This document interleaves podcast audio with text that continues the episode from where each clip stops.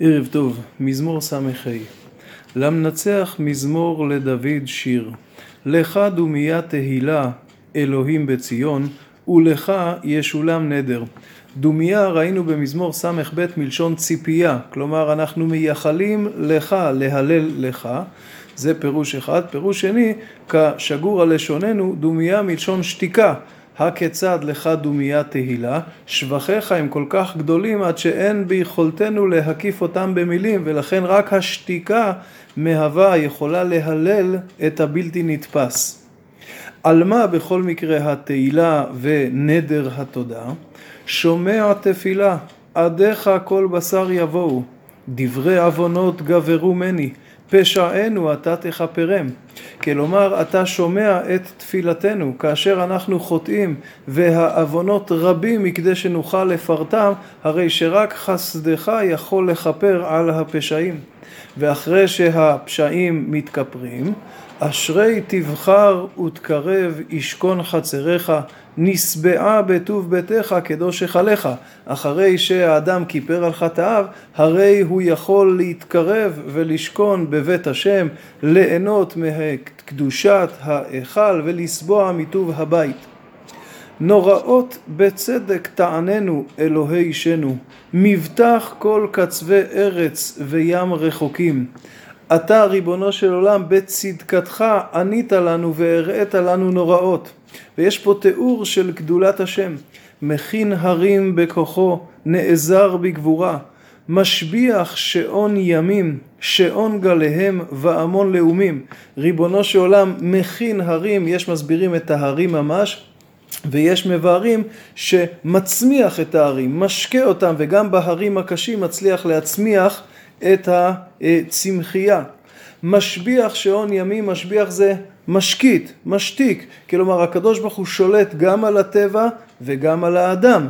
הוא מרגיע את הים כך שלא יגלוש אל היבשה, ואת המון הלאומים כך שלא יוכלו לעשות רע בעולם.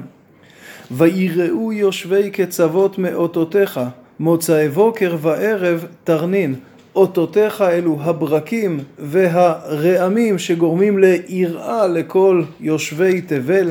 מוצאי בוקר וערב תרנין, כאשר השמש זורחת, שוקעת, העולם נוהג כטיבו, הרי זה גורם שמחה וסדר בעולם. וכאן מגיע המשורר לעיקר ההודעה לקדוש ברוך הוא. פקדת הארץ ותשוקקיה, רבת תשרנה. פלג אלוהים מלא מים, תכין דגנם כי כן תכיניה. הקדוש ברוך הוא פקד את הארץ, השקע אותה במים, מילא את הפלגים, הכין את הדגן, התבואה צומחת. תלמיה רבה, נחת גדודיה, ברביבים תמוגגנה, צמחה תברך. כלומר הגשם שיורד ממלא את התלמים, את החריצים, מיישר את הגדודים, את תלוליות האפר. ומברך כמובן את הצמחייה. עיטרת שנת טובתך ומעגליך ירעפון דשן. מעגליך השמיים, העננים שסובבים כביכול סביבך, מרעיפים דשן וכל טוב על פני העולם. ירעפו נאות מדבר וגיל גבעות תחגורנה.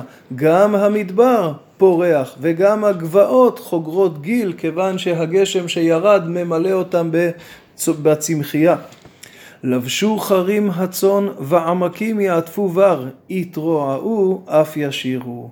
יש פה ממש הרמוניה ושמחה כאשר הקדוש ברוך הוא מברך את העולם בגשם. קרי המרעה מתמלאים, הצאן הולך ורואה, ומי שמקשיב שומע את השירה, את כל העשבים שנעים ברוח, את כל הצאן שנמצא שם והעולם כולו מלא שמחה. יש מסבירים שיתרועעו אף ישירו, הכוונה לבני האדם.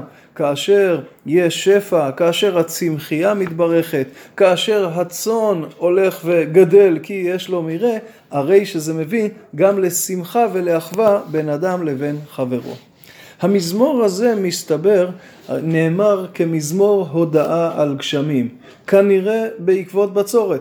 הפסוקים הראשונים פותחים בחסדי השם, ששמע ונענה לתפילות האדם. כאשר הייתה בצורת, באו כולם ועמדו בתפילה ותענית לפני ריבונו של עולם. דברי עוונות גברו, פשענו אתה תכפרם. והקדוש ברוך הוא שומע תפילה, שמע את תפילתם, נענה והשפיע שפע על פני הארץ. ואם כן, עומד המשורר ומודה לקדוש ברוך הוא על הגשמים. אנחנו מכירים שבימי דוד היה רעב של שלוש שנים. האם המזמור הזה נאמר אחרי שהארץ נפקדה? ייתכן, וייתכן שזה היה בסיטואציה אחרת, וייתכן שדוד בעקבות החוויה הזאת כתב את זה ברוח קודשו לדבר, לסיטואציה מתאימה. אנחנו יודעים שבצורת בארץ ישראל זה לא דבר של מה בכך, ארץ ישראל תלויה בגשם, זה שבחה ומעלתה, כלומר ארץ ישראל היא ארץ שבה יש ברכה כאשר עם ישראל קשור לקדוש ברוך הוא, ואז יש גשמים וברכה, לעומת זאת כאשר חוטאים, אז הסימן של זה לעיתים זו בצורת. ואכן גם במזמור הזה, שעיקרו הודאה על הברכה והשפע, מדגיש דוד, אשרי תבחר ותקרב ישכון חצריך. כלומר, אשרי מי, לא שעכשיו יש לו גשם ותבואה, אלא מי שזכה להתקרב ולשכון בבית השם. כי הברכה שמגיעה לארץ מעידה על הקשר שבין עם ישראל לבין ריבונו של עולם. ועיקר הנקודה הוא זה, כלומר ארץ ישראל מושגחת בצורה כזאת כדי שכשיהיה בצורת עם ישראל יתפלל לקדוש ברוך הוא, כדי לאותת תחדשו את הקשר ביניכם לבין ריבונו של עולם ולכן במזמור ההודעה הנפלא הזה אומר דוד אשרי מי ששוכן בחצריך ושבע מטוב ביתך ומקדושת היכליך. ערב טוב.